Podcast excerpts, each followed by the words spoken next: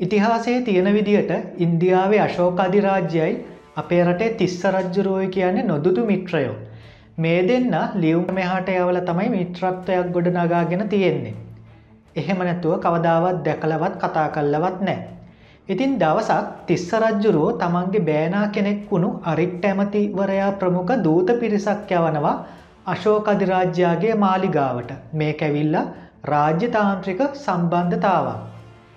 එහෙම තමයි අපේ වංශකතාවල තියෙන්නේ ඉතින් වංශකතාවල තියෙන විදියට තිස්ස රජ්ජුරුවෝ මේ කණ්ඩායම ඉන්දියාවට පිටත් කළේ දේශපාලනික වශයෙන් රටවල් දෙක අතර තියෙන සම්බන්ධකම මිත්‍රත්වය පුළුල් කර ගන්න. එහෙම තමයි අපිට පාසලේදී ඉතිහාසය විෂය නිර්දේශයත් කියල දුන්නේ. හැබැයි මමාද ඉදිරිපත් කරන්න යන්නේ මේ සිද්ධිය සම්බන්ධව තියෙන තවත් මත දෙකක්. මේවවිල්ල මත විතරයි ෆැක්ස් එහෙම නැත්නම් මෙව්වා දත්තසා තොරතුරු විදිහට සීයට සීයක් තහවුරු කරගෙන නැහැ. මත විතරයි.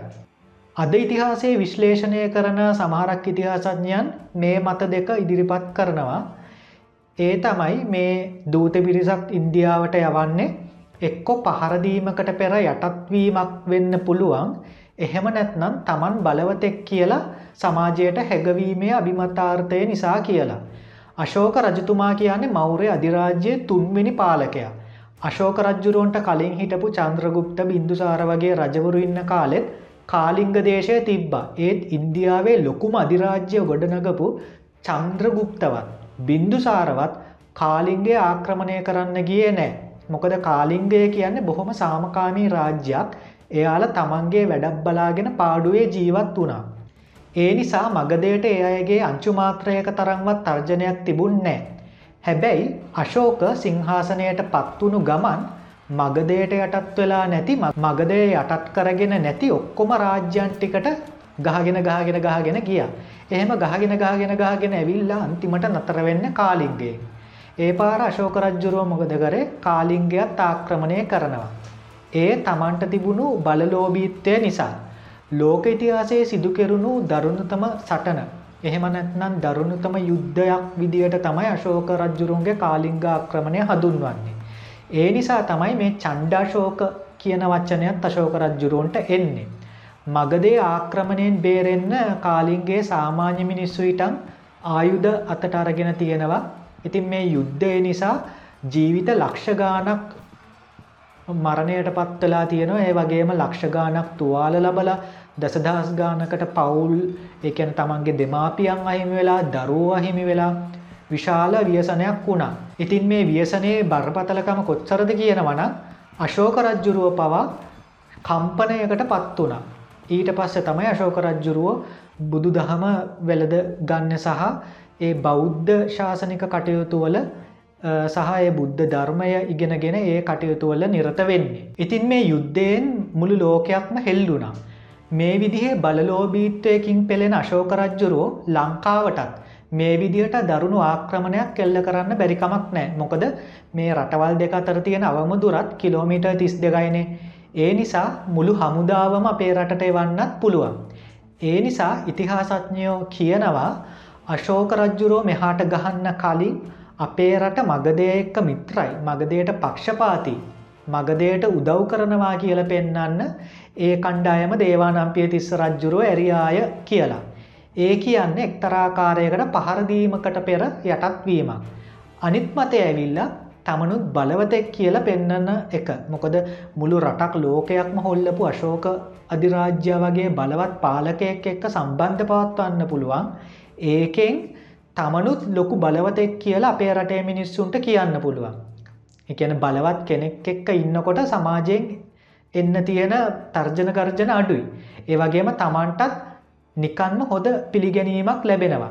ඉතින් ඒ නිසා සමහර ඉතිහාසඥයෝ කියන තමන් බලවතෙක් කියල සමාජයට හැගවීමේ අරමුණින් දේවානම් පියතිස්ස රජ්ජුරුවෝ අශෝක රජ්ජුරුව එක්ක සම්බන්ධකම් පවත්වන්න මිත්‍රත්වය තව තීව්‍ර කරන්න මේ කණ්ඩායම ඇරියාය කියලා. එතකොට මේ ඇවිල් අපි පාසල් කාලයේදී ගෙන ගත්තු මතවලට වඩා මතයට වඩා ටිකක් හාත් පසිම වෙනස් මත දෙක.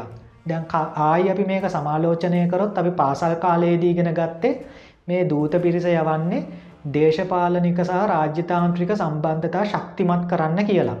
හැබැයි අද අපි කතා කරපු මත දෙකේ තියෙන්නේ මේ දූත පිරිස ගියේ රාජ්‍යතාන්ත්‍රික සහ දේශපාලනික සම්බන්ධතා ශක්තිමත් කරන්න නෙමේ එක්කෝ පහරදීමකට පෙර යටත්වීමක් එහෙම නැත්නම් තමනුත් බලවතෙක් කියලා සමාජයට හැගවීමේ අරමුණින් කියලා. දැන් ඔය තමනුත් බලවතෙක් කියල සමාජයට හැගවීමේ අරමුණ ගත්තොත් අපි දන්නවා පෞගිය කාල්වල් වල පෞගිය අවුරුදුවල වනත් අපේ රටේ ප්‍රබලයයි සම්මත කරගත්තු නායකයින්ට සිද්ධ වුණා විවිධ මාධ්‍යාරා ප්‍රචාර සහ නිලනිවේදන නිකුත් කරන්න තමන් එක්ක පෙනී හිටින පින්තූර පෝස්ටර්වල්ට අලවන්න එපා කියලා ඒ තමන්ගේම පක්ෂවල ඉන්න සාමාජිකයින්ට මැතිව මැති ඇමතිවරුන්ට වෙනමම අවවාද කරන්න වුණා. එතකොට එහෙම පෝස්ටර් ඇලවීමෙනුත් සමාජයට නිකං මතයක් ඒ සමාජයේ මනසවල් තුළට ඒ කාලවල් වලදි මතයක් කිදා බැස්ස මේ පුද්ගලයා මේ රාජ්‍යනායකයක්ක ඉන්න. ඒ කියන්න මේ පුද්ගලයක් එසේ මෙසේ කෙනෙක් නෙමේ ටිකක් ප්‍රබල චරිතයක් කියන එක තමයි ඒ දේශපාලඥයන්ට අපේ රටේ මිනිස්සුන්ගේ මනසවල් ඇතුළට ඔබ්බවන්න පුළුවන් වුණේ ඒ කාලේ. එතකොට ඒකත් හොද උදාහරණයක් වර්තමානය වෙනකොට. එතකොට සමහර රාජ්‍යනායකයෝ චීනය ඇමරිකාව එතකොට රුසියා වගේ රටවල් එක්ක සම්බන්ධකම් පවත්වනවා. ඒකත් යම්මාකාරයකින් අද අපි මේ කතා කරපු මතයන් වලටත් ගලපගන්න පුළුවන්.